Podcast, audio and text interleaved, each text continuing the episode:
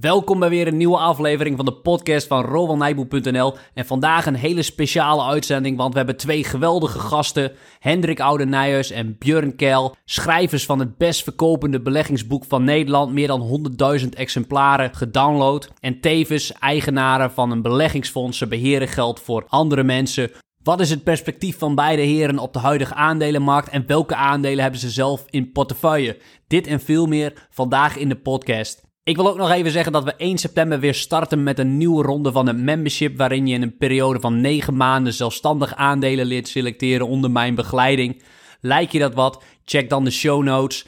De early bird verkoop van de tickets is tot en met 1 augustus. Dus daar kan je nog snel bij zijn als je dit hoort. En nu kijk ik erg uit naar ons interview met Hendrik en Björn.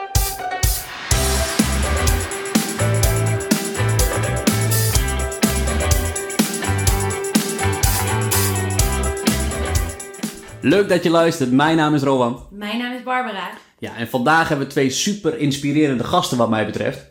Ja, ze zijn helemaal naar ons toegereden vanuit het mooie oosten van ons land. Ja, de wijzen komen uit het oosten. We hebben namelijk uh, Björn Kel en Hendrik Oude Nijhuis te gast. Ja, hartstikke gaaf. En uh, Hendrik, laten we bij jou beginnen. Hoe ben je hier zo terecht gekomen? Ja, dank, uh, dank voor de uitnodiging. Mijn naam is uh, Hendrik Oud-Nijhuis. Ik uh, ben medeoprichter van het bedrijf beterinbeleggen.nl, waarbij we beleggers voorzien van informatie over onze beleggingsfilosofie. En sinds twee jaar geleden ben ik ook medeoprichter van het beleggingsfonds Value Machine Fund, waarbij we dezelfde beleggingsfilosofie voor beleggers in praktijk brengen. En met dat Value Machines Fonds, daar beheer je eigenlijk geld van anderen. Ja, dat, daar komt het wel op neer. Bij het uh, is het echt uh, voorzien van informatie over beleggen. En bij Value Machine Fund is het echt het beheren van uh, ja, gelden van anderen. Juist ook omdat we van beleggers de vraag krijgen van nou allemaal hartstikke leuk aardig wat jullie doen. Maar kunnen jullie niet mijn geld ja, ook beheren? Ja. ja. En Björn, ook welkom. Ja, dankjewel.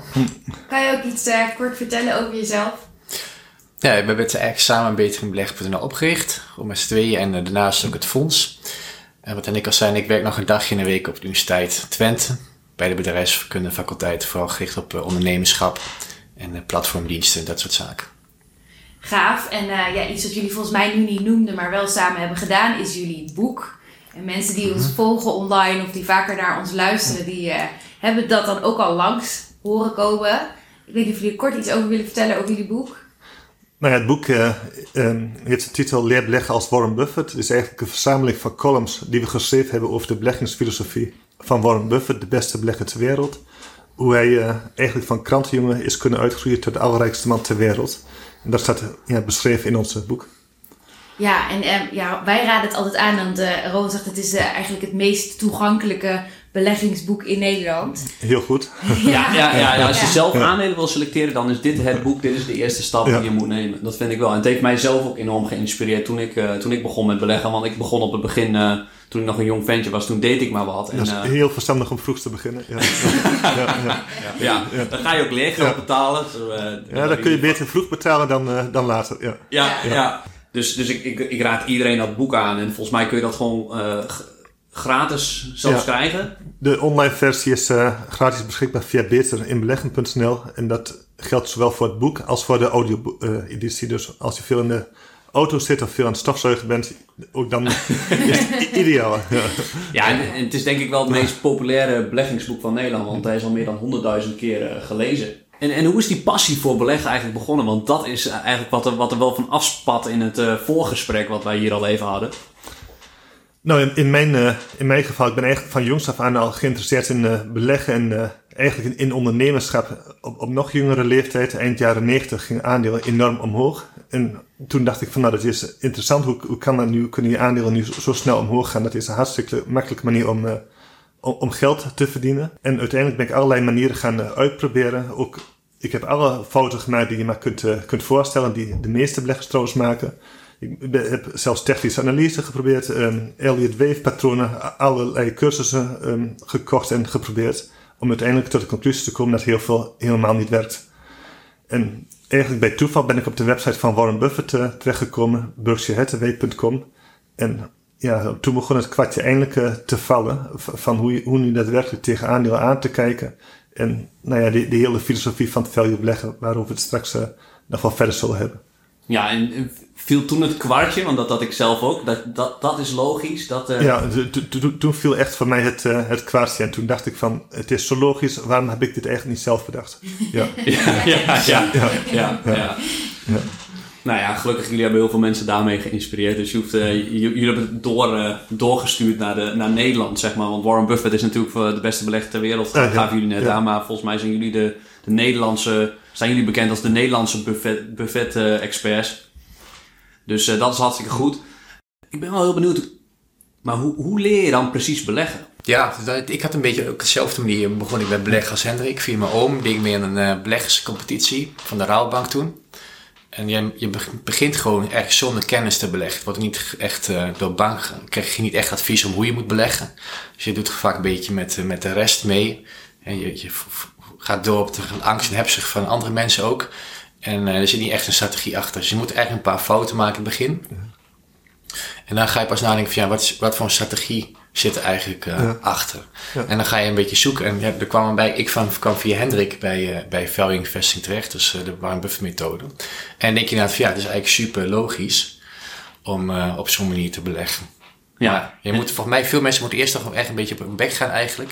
Dat je iets ja. koopt wat veel te duur is en dat je bang bent om verlies te maken.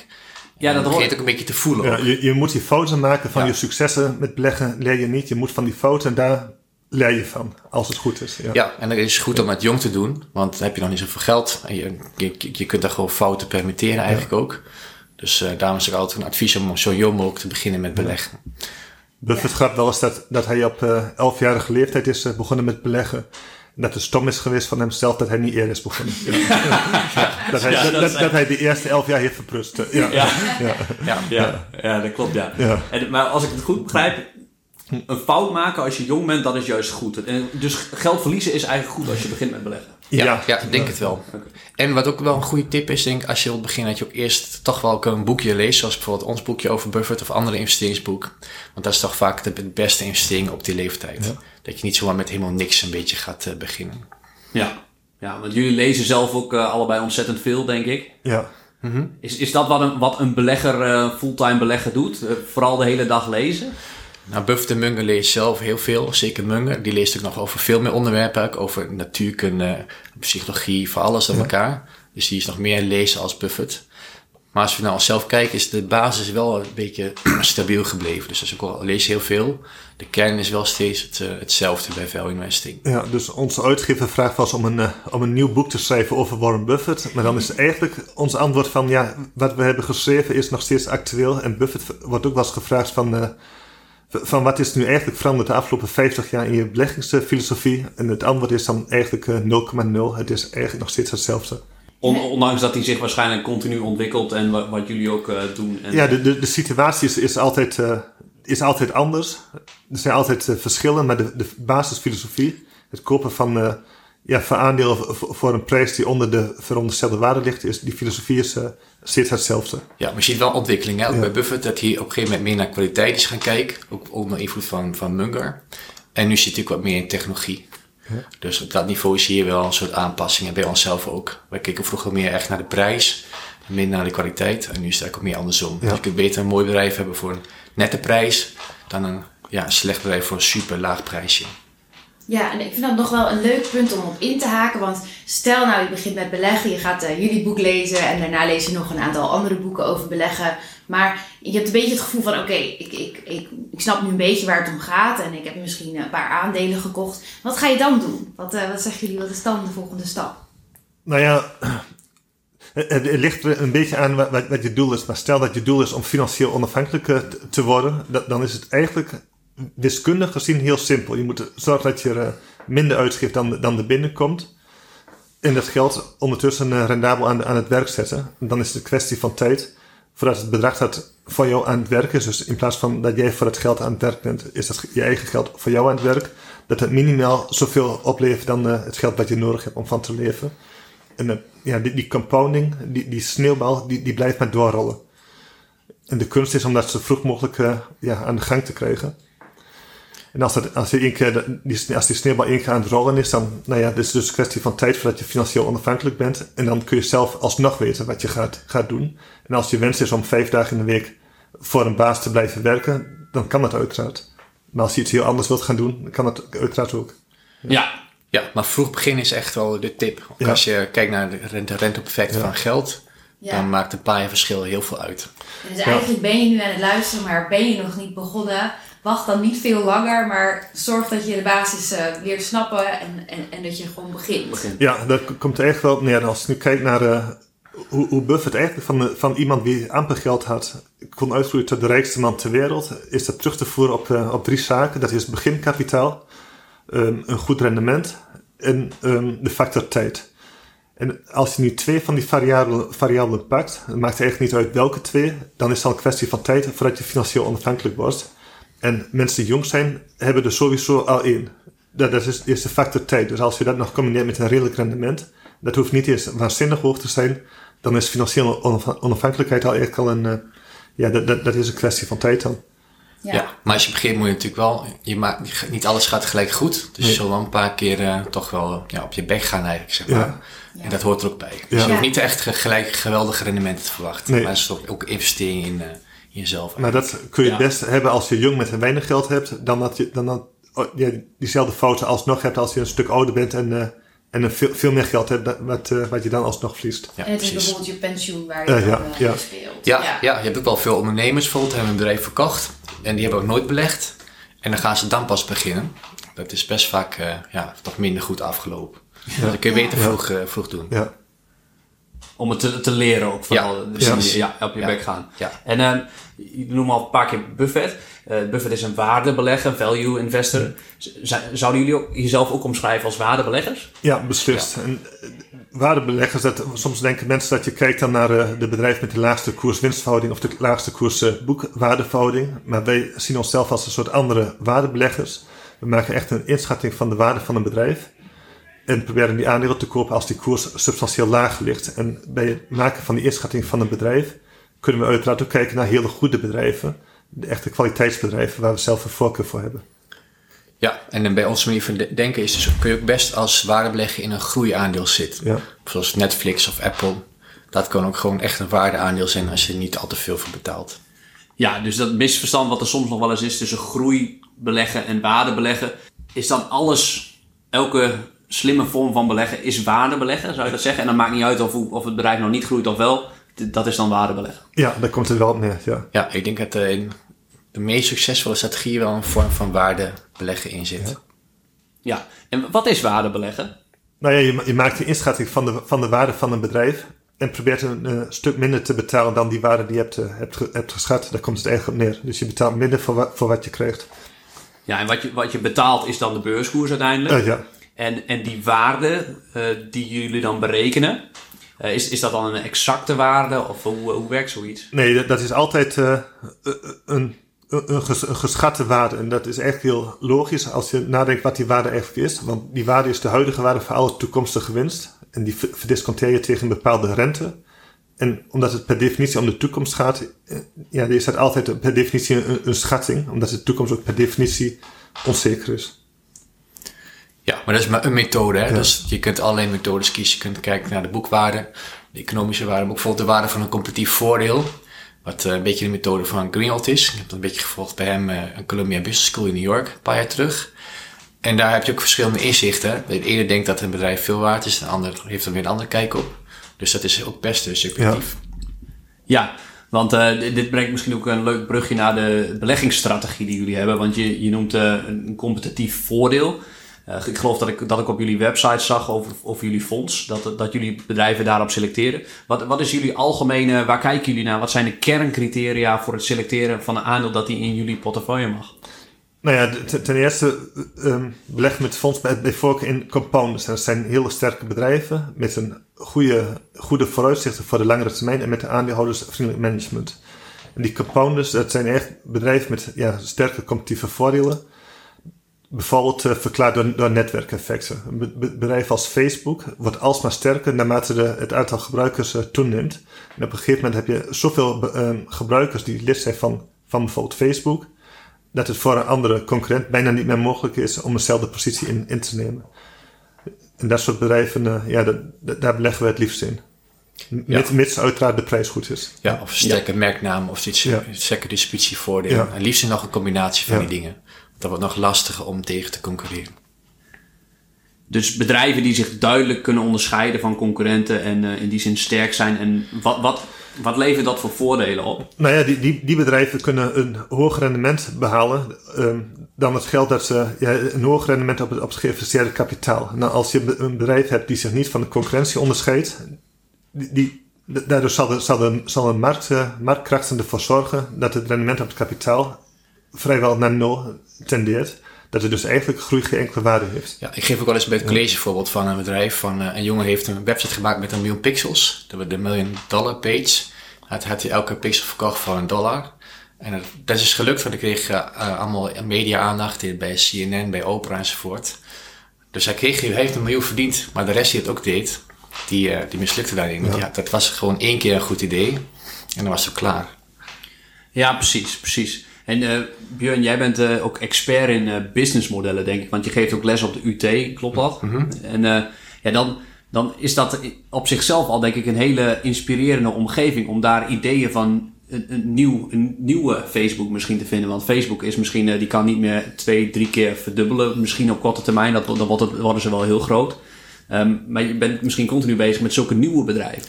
Ja, klopt. Dat, ik keek vooral naar, naar mobiele diensten, e-health diensten, dat soort zaken. En ik zag dat het best lastig was om een goed BISmail te verzinnen voor zulke bedrijf.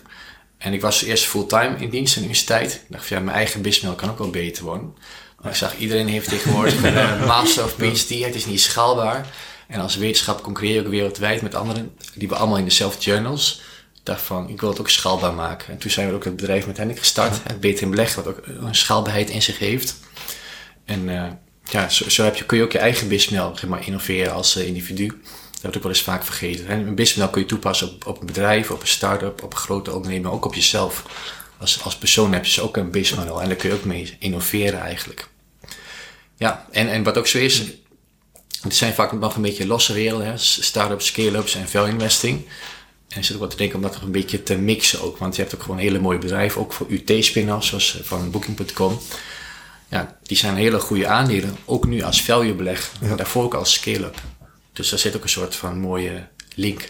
Ja, en de kunst is misschien nog om ze echt dus op tijd te vinden, maar daar ben je dus veel mee bezig, denk ik. Ja, daar ga ik nog mee verder onderzoek doen. Van hoe kun je net nog in een vroeg fase zo'n mooie onderneming herkennen. Want ja, hoe later je in het proces bent, hoe meer de informatie er is. Maar ook hoe lager ook het verwachte rendement. Maar als je helemaal vroeg zit, is er bijna helemaal niks. Dus je moet daar een soort optimum ook in vinden. Want juist die, die beginnende ondernemingen gaan ook heel veel van, van kapot. Kijk maar naar, de, naar bijvoorbeeld naar venture capital daar gaat vaak een bedrijf kapot dan als in je een value portfolio of in een, een value uh, een portefeuille. Ja. ja, wat mij dan nog wel eens weghoudt bij zulke soort bedrijven is dat de risico-rendementsverhouding een soort van uit balans is. Ik weet niet hoe, wat jullie perspectief op zoiets is. Nou ja, het zijn bedrijven waar, waar je goed naar moet kijken. Je hebt bedrijven waarbij die um, um, rendement-risicoverhouding eigenlijk best wel aantrekkelijk is. Ondanks dat die bedrijven soms nog heel klein zijn of, of nog zelfs, zelfs verlies maken. Naar verwachting zelfs nog jarenlang verlies maken. Kan het alsnog een heel aantrekkelijke value-belegging zijn. Ja, en dan kan vooral binnen je, je eigen circle of competence, zeg maar. Dus binnen je vakgebied kun je dat makkelijker zien dan buiten je eigen vakgebied. Ik had bijvoorbeeld, ik was dus bij Columbia Business School bij Greenwald, echt een superbelegger. Ja. Maar die wist gewoon niet veel van technologie af. Dus zijn visie op Apple, ja, ik was er ook gewoon niet mee eens. En dat klopt ook niet. Want hij dacht, ja, Apple maakt producten, die gaat uiteindelijk alleen maar concurreren op prijs. Maar als je wat meer weet van platform, economie en dat soort dingen, dan zie je dat er veel meer achter zit dan alleen maar uh, ja, hardware verkoop. Ja, en hoe, hoe, vind je dan je competentiecirkel? als ik, dat, daar ben ik wel heel benieuwd naar. Want uh, Buffett zegt wel eens, ja, zoek, blijf binnen de uh, grenzen van je competentiecirkel. Mm -hmm. je zult toch misschien ook op moeten schuiven na verloop van tijd om, om een betere belegger te worden, om je perspectief te vergroten. Ik weet niet, hoe, hoe zie jij dat? Ja, dat heeft Buffett ook gedaan. Vroeger zat hij helemaal niet in technologie. Maar op een gegeven moment is hij ook wel wat meer in technologie gaan uh, beleggen. En je moet je eigen stuk of competentie ook niet onderschatten. Want ik denk van ja, dat is wat ik van Apple wist. Dat ik dacht van ja, dat is voor hand liggend. Maar als je wat minder erin zit, is het eigenlijk wat minder voor de hand liggend. Dus uh, ja, daar zit gewoon ook waarde in je eigen circle of competence. Je kunt er gewoon makkelijker interessante beleggingen vinden dan andere mensen. En dat is ook een soort voordeel bij het selectieproces. Ja, we zeiden net, het is goed om jong te beginnen. Dan heb je misschien nog niet zo'n feeling bij je circle of uh, competence. Nee. Is er dan iets wat je dan aanraadt dat je zegt, nou, kijk dan hier naar of begin zo? Nou, heel veel bedrijven kun je ook best uh, goed snappen. Hè? Bijvoorbeeld wat, uh, ja, wat, wat Unilever ja. doet of een ander groot bedrijf. Maar dan bijvoorbeeld biotech, dat is dan een veel lastiger verhaal. Dus daar zou ik ook wat voorzichtiger mee zijn. Ook als je jong, jong belegt en in mijn geval nog steeds. Ja. Dat is maar, maar gro gro grotere bedrijven zijn vaak best eenvoudig te snappen. Een bedrijf ja. als Facebook, een bedrijf als Alphabet, dat is het moederbedrijf van, uh, van Google. Dat, dat zijn in essentie niet zulke heel moeilijke bedrijven om, om te begrijpen. In, in het geval van uh, Alphabet, men, mensen gaan naar de zoekmachine die de beste zoekresultaten um, oplevert. Alphabet um, heeft de beste zoekmachine omdat mensen daar naartoe gaan. Dus, dus die effecten, die netwerkeffecten, maken dat die positie alsmaar sterker wordt. Waardoor in de meeste landen eigenlijk maar één dominante zoekmachine is die marktaandeel heeft van 90, 95 procent. Sommige landen zelfs 98, 99 procent van de markt in handen heeft. En dat is op zich niet zo heel moeilijk om dat uh, ja, te, te, begrijpen. Nee. En je moet ook niet je eigen kennis onderschatten. Als je bijvoorbeeld nu uh, kunstmatige intelligentie studeert, dan weet je daar veel meer van af dan bijna iedereen in het uh, land. En kun je ook op dat gebied gewoon makkelijker een kans zien dan andere mensen. Ja, mooi. Ja. En jullie zeggen ook, het is heel belangrijk een bedrijf goed te begrijpen. Um, hoe, hoe, belangrijk is dat precies, dat je het goed begrijpt?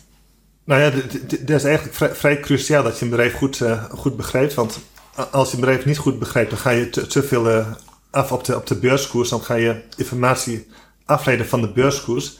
Terwijl die eigenlijk helemaal niet zo, zoveel zegt over uh, wat er met, met het bedrijf nu eigenlijk aan, aan de hand is. En stel die beurskoers die daalt opeens behoorlijk hard en je kent niet het bedrijf wat eronder zit, je hebt geen idee wat de waarde ervan is, dan is de verleiding heel groot dat je besluit te gaan verkopen, wat vaak op het allerslechtste moment is. Dat zag je ook bijvoorbeeld in uh, maart. Ik kreeg zelf veel mailtjes van uh, beleggers die zeiden van nou, mijn aandelen zijn zo hard gedaald, ja. ze zijn nu nog iets waard, maar ik heb toch maar besloten alles te gaan verkopen. Och, Daar ja. heb je nog iets. En ja, nou ja, sommige mensen heb ik al vernomen, die hebben weer iets, iets, iets gekocht, nu een stuk hoger staan. Maar ik ken ook best veel mensen die in maart alles hebben verkocht en nog steeds uh, ja, buiten de markt zitten. Terwijl ja. aandelen op lange termijn toch echt het beste renderen. Ja, en als je dan weet waar je in belegt, dan geeft het toch een iets uh, degelijker gevoel. Dan ja. gaan we minder op die prijsfluctuaties af, denk ik. Ja. Ja, dan heb je vertrouwen in die lange termijn, in die toekomst. Ja. Mm -hmm. En uh, ja, het dus begrijpen van het bedrijf en uh, waar, waar, waar onze members denk ik best wel mee worstelen, wat best wel een uitdaging is, is dat er, er zijn zoveel factoren die mogelijk relevant zijn voor die belegging. En hoe, hoe, hoe scheid je nou een beetje die hoofdzaken van die bijzaken? Wat, wat, wat doet er echt toe? Hoe, hoe, hoe kom je daarachter? Nou ja, bij veel bedrijven geldt er echt maar een paar zaken zijn die, die er echt, uh, echt te doen. En er zijn enorm veel zaken die er eigenlijk uh, nauwelijks te doen.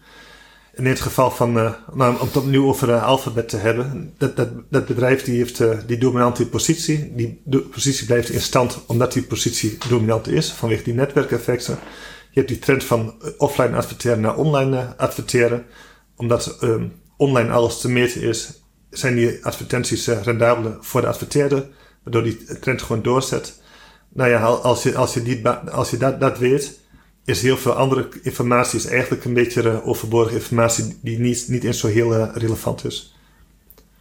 En, dan gaat het er dan in, wat moet je dan wel in de gaten houden? Bijvoorbeeld dat die competitieve positie van die zoekmachine in ieder geval niet aangetast wordt. Nou ja, je, je kunt die marktaandelen in, in de gaten houden, maar zelfs als je dat doet, je ziet jaar na jaar die, die percentages liggen enorm hoog. En ondanks alle maatregelen die, die de Europese uh, commissie heeft genomen om Google het, het leven uh, zuur te maken, zijn die marktaandelen nog steeds ongelooflijk hoog. Is er eigenlijk uh, helemaal niets aan veranderd. Ja, maar het blijft wel een cruciaal iets, competitief voordeel. Dat is echt de basis van uh, bovengemiddelde ja. winst. Als je dat niet hebt, dan gaat die winst uiteindelijk weg door inderdaad op marktdruk. Dan krijg je concurrentie en uiteindelijk wordt er op prijs geconcurreerd ja. en is die winst weg. Ja, ja dus, dus gratis geld in die zin bestaat er niet. Als er geen competitieve positie, geen competitief voordeel is, verdwijnt die overwinst, die verdwijnt, verdwijnt er vanzelf. Dan is uiteraard de vraag van hoe kan dat dan dat value beleggen wel kan blijven bestaan. Nou, terwijl iedereen, onder andere door ons boek, inmiddels weet wat die filosofie ja. is. Maar dat zijn toch die emoties van die beleggers. Als aandelen flink dalen, dan slaat die paniek toe. Dan gaan mensen in paniek die aandelen verkopen. En omgekeerd zie je op een gegeven moment weer het omgekeerde. Als aandelen echt een hele tijd stijgen, dan zie je Jan en allemaal die met al zijn spaargeld naar de beurs gaat, mensen die met uh, geleerd geld aan de gang gaan. En zie je het omgekeerde. Ik vergelijk, vergelijk het wel eens met een grotere ja, grote staande klok waarvan de, van de, de, de wijzers, de pendel heel langzaam hier en weer gaat. En soms zijn aandelen extreem overgewaardeerd en soms extreem ondergewaardeerd. Maar meestal zit je ergens uh, tussenin. En rende- renderen aandelen op lange termijn het, uh, ja, zoals gezegd, het allerbest. Ja, psychologisch blijft het Ja. lastig om Ja, eh, daar tegen in te gaan. ja. Maar ik zeg, als je bijvoorbeeld, als er ergens brand is en iedereen rent naar rechts, dan is het slim om meer mee te gaan, die kant op te rennen en niet er tegen in te gaan. Dus meestal is het verstandig, maar met beleggen moet je eigenlijk toch, met veel beleggen in ieder geval toch eigenlijk het omgekeerde doen. Dus iedereen verkoopt, is misschien toch best wel een goed moment om eh, juist aandelen aan te Ja. schaffen. Maar dat blijft ook lastig voelen. Maar het begint wel Ja. een beetje te wennen als je het vaker doet. Ja, en eigenlijk het moment dat, dat je maag omdraait en dat je denkt van eh, ik moet absoluut niet in aandelen zitten, zijn het vaak goede momenten. En ik kan mezelf al feestjes van, eh, van familie herinneren. Nog? Waarbij we soms, eh, soms over aandelen hadden en soms had je feestjes een paar jaar later dat absoluut niemand het meer daarover wil- wilde hebben. En als je te- daar al naar hinten dat mensen eh, bij- je uit de buurt gingen, nou dat zijn vaak goede momenten om in aandelen te stappen. Ja, ja. En als, als je de auto nog niet bent uitgestapt en eh, als mensen al vragen van nou heb je nog goede aandelen op het oog en nog, nog ideeën daarvoor, dan is het vaak een moment om toch wat voorzichtiger te worden.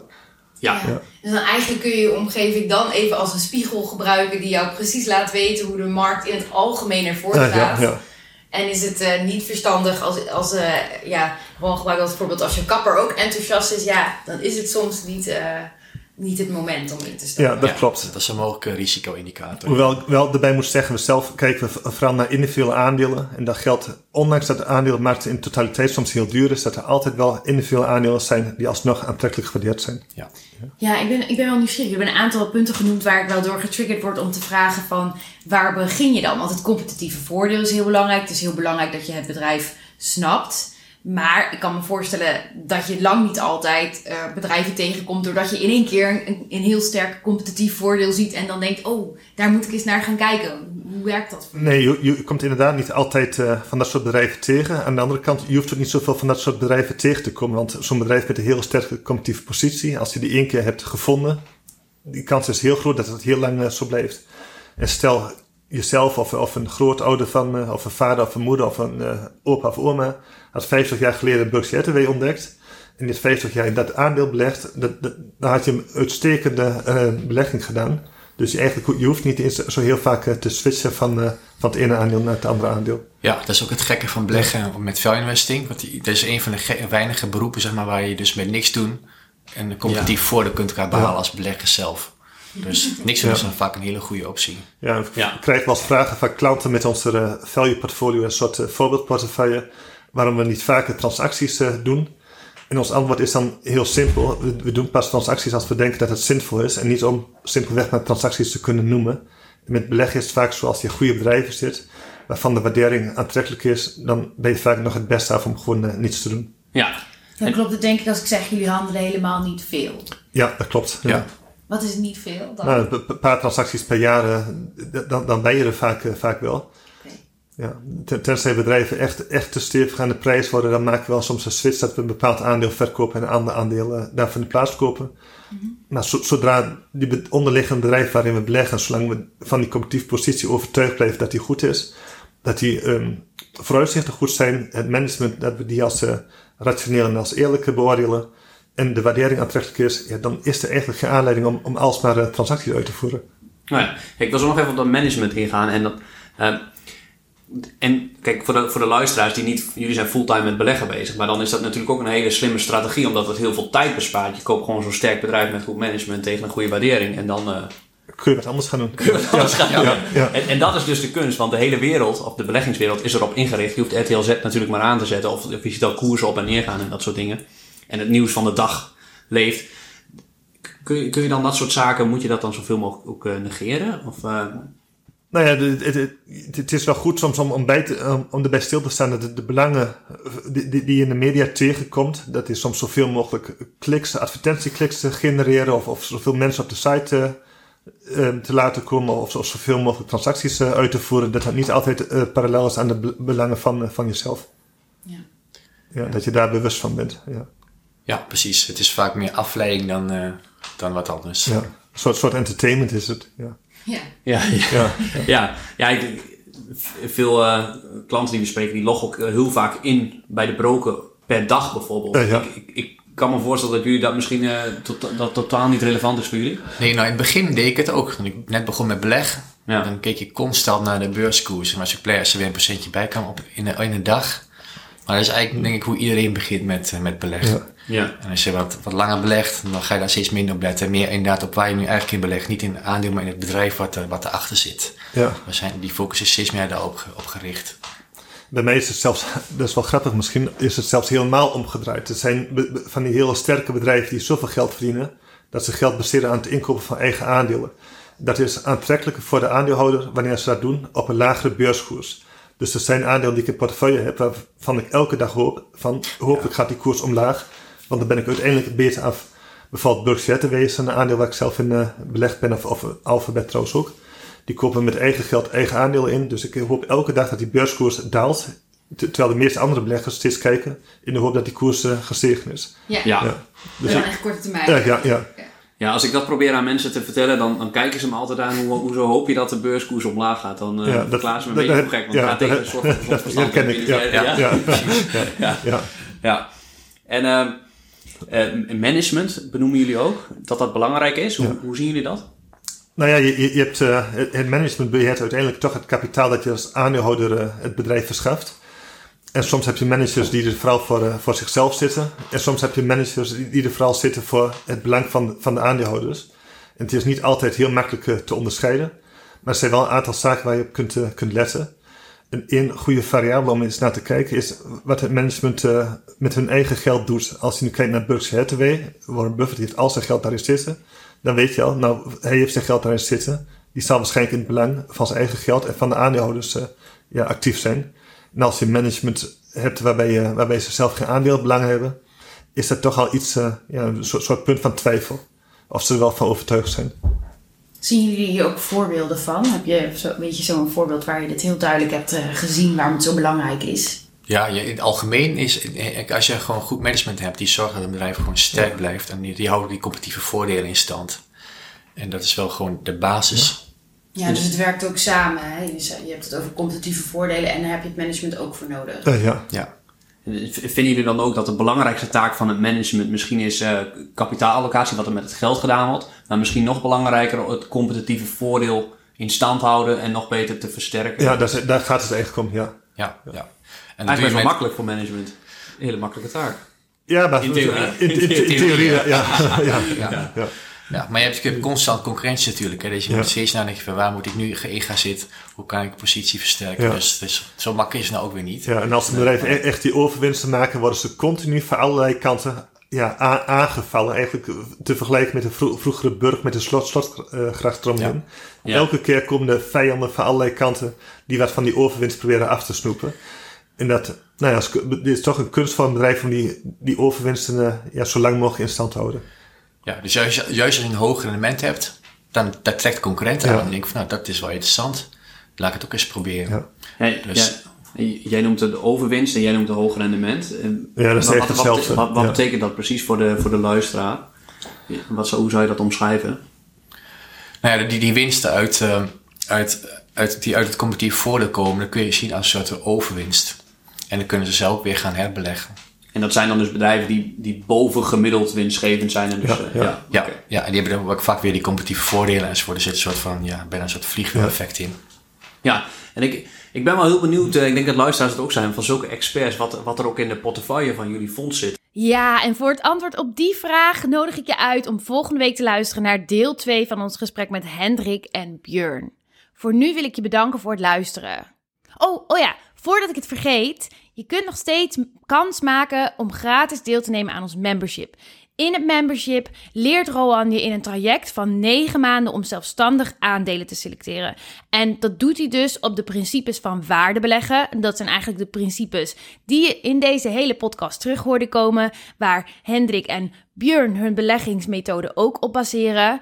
Um, dat is dus hartstikke gaaf. In het membership krijg je elke maand nieuwe theorie met opdrachten. En elke maand is er een webinar en geeft Roan feedback en coaching over jouw beleggingsbeslissingen. Lijkt het je nou leuk om het membership te volgen en wil je kans maken om dat gratis te doen? Dan is alles wat je hoeft te doen een mail te sturen naar info.roannijboer.nl en daarin te vertellen waarom jij kans wilt maken op de gratis membership. En wie weet, kiezen jou. Dat doen we op 27 juli. Dan selecteren we een winnaar. En dat kun jij dus zijn. En dan wil ik je voor nu hartelijk danken voor het luisteren. En tot volgende week voor deel 2 met Hendrik en Björn.